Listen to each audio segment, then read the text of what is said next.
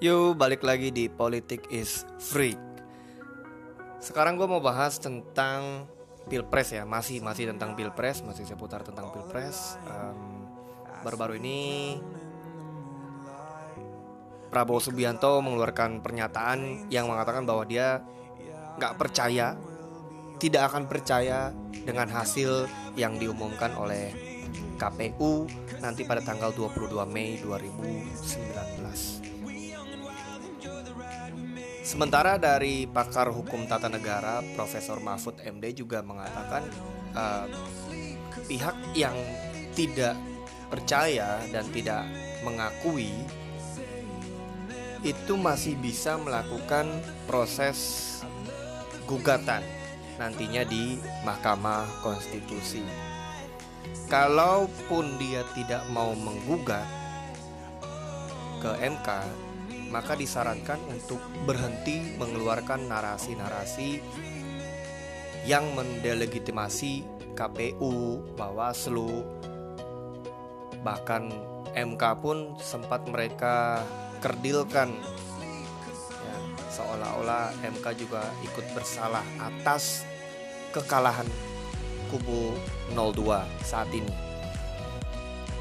Ini penting sebagai edukasi politik kepada semua kalian-kalian yang sekarang lagi belajar di bidang sosial politik, hukum dan pemerintahan bahwa proses pemilu itu adalah hasil dari kesepakatan banyak pihak ini bukan cuma bicara tentang Pak Jokowi atau Pak Prabowo.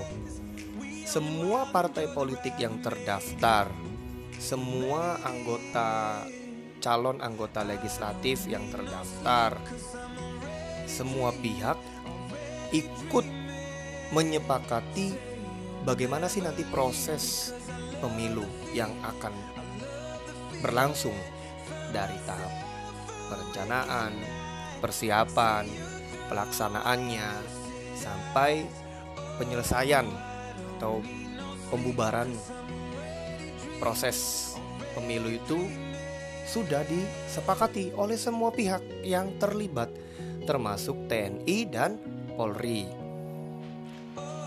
Jadi agak aneh kalau nanti ada pihak yang sudah jelas-jelas dia dari awal menandatangani kesepakatan, menandatangani eh, nota kesepahaman bahwa dalam pemilu itu begini prosesnya, begini mekanismenya, begini kebijakannya, begini regulasinya.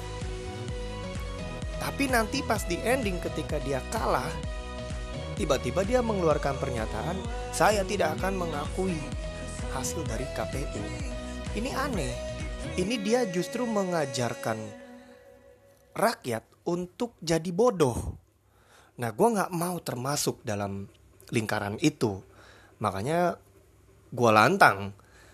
Ketika ada pernyataan yang membodohi, ya kita yang sudah paham jalurnya, jangan diam. Karena udah bukan lagi waktunya untuk istilah yang waras ngalah. Udah nggak bisa sekarang.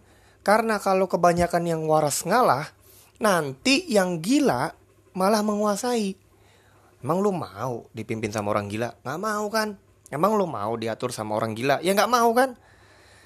Sementara kaum tersebut sudah punya rumahnya sendiri, ya. Nah, maka dengan kita mematahkan uh, stigma bahwa yang waras ngalah, kita harus tampil, kita harus vokal, kita harus ikut mengedukasi publik. Sekarang media sosial sangat amat berperan penting. Karena satu informasi dari medsos saja bisa mempengaruhi lebih dari 10 orang dalam seketika. Kalau dia tidak mampu menelaah informasi tersebut, dia tidak mampu memilah mana yang valid, mana yang hoax, itu berbahaya. Nanti dia sebarkan langsung dia sebarluaskan begitu aja kan bahaya. Nah, makanya tentang pernyataan-pernyataan yang membodohi publik ini harus dipatahkan langsung dengan data dan fakta. Ya, Seperti tadi pernyataan dari Prabowo Subianto yang mengatakan bahwa dia tidak mengakui hasil KPU nanti pada tanggal 22 Mei karena dia tahu bahwa dia sudah kalah. Dia tahu dia sudah kalah. Makanya dia buru-buru mengeluarkan pernyataan itu supaya para pendukungnya semakin panas. Didoktrin bahwa KPU itu ikut-ikutan curang. Nanti kemungkinan besar kalau tidak segera diluruskan itu akan terjadi konflik horizontal amit-amit ya gue nggak mau sampai terjadi tapi ini ini ini ini adalah caranya caranya dia untuk supaya nanti berbondong-bondong orang yang sudah dia bodohi yang sudah dia doktrin untuk men melakukan aksi unjuk rasa demonstrasi. Bisa-bisa kalau mereka benar-benar buta kalap ya nanti demonya itu bakal ricuh.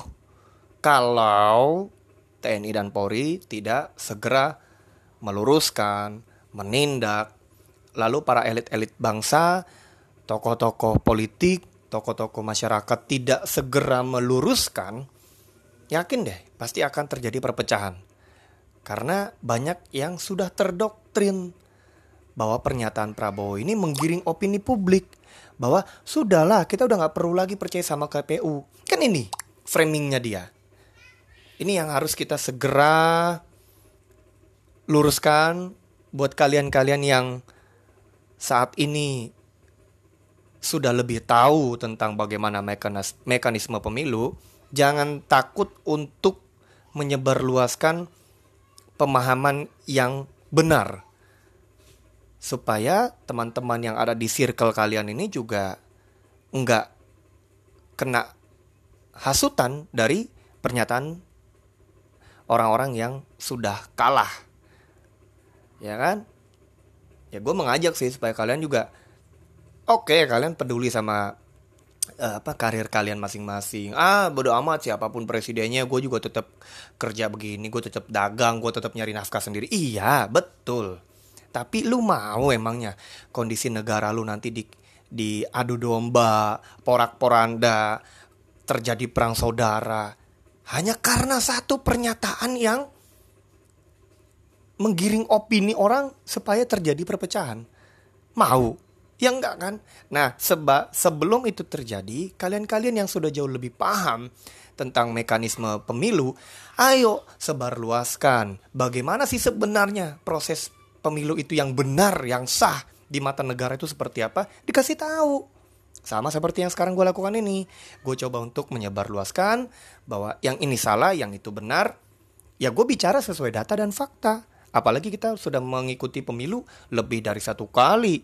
Kita sudah memilih tiga kali pemimpin secara langsung. Bapak SBY dua periode, Bapak Jokowi satu, dan hari ini yang keempat kalinya. Oke? Jadi mudah-mudahan uh, sedikit info dari gue sekarang ini bantahan dari gue ini bisa uh, bisa menjadi acuan buat teman-teman semua juga supaya ikut ayo mulai bergerak nggak boleh udah bukan lagi saatnya yang waras ngalah udah nggak bisa. Yang waras harus membimbing yang belum waras. Kudu ini mah mesti. Supaya apa? Nanti tidak terjadi hal-hal yang tidak kita inginkan. Hanya gara-gara hoax, hanya gara-gara berita bohong, hanya gara-gara fitnah, hanya gara-gara ujaran kebencian kita malah jadi pecah. Kita nggak mau itu terjadi. Yap, semoga uh, sedikit suara dari gua ini yang kurang lebih 9 menit atau 10 menit kurang bisa jadi pembelajaran buat gue dan buat semuanya. Next gue bakal akan melanjutkan lagi di episode berikutnya tentang politik yang akan lebih tajam lagi. Ini masih di kerangka-kerangka luarnya aja sih. Buat kalian yang saat ini emang peduli sama bangsanya, peduli sama negaranya, yuk jangan diam. Jangan diam. Mari kita sebarluaskan edukasi, kebaikan, ya, perdamaian supaya semua rakyat Indonesia sudah tidak lagi diadu domba oleh siapa pun. Gue cabut dulu ya. Doh.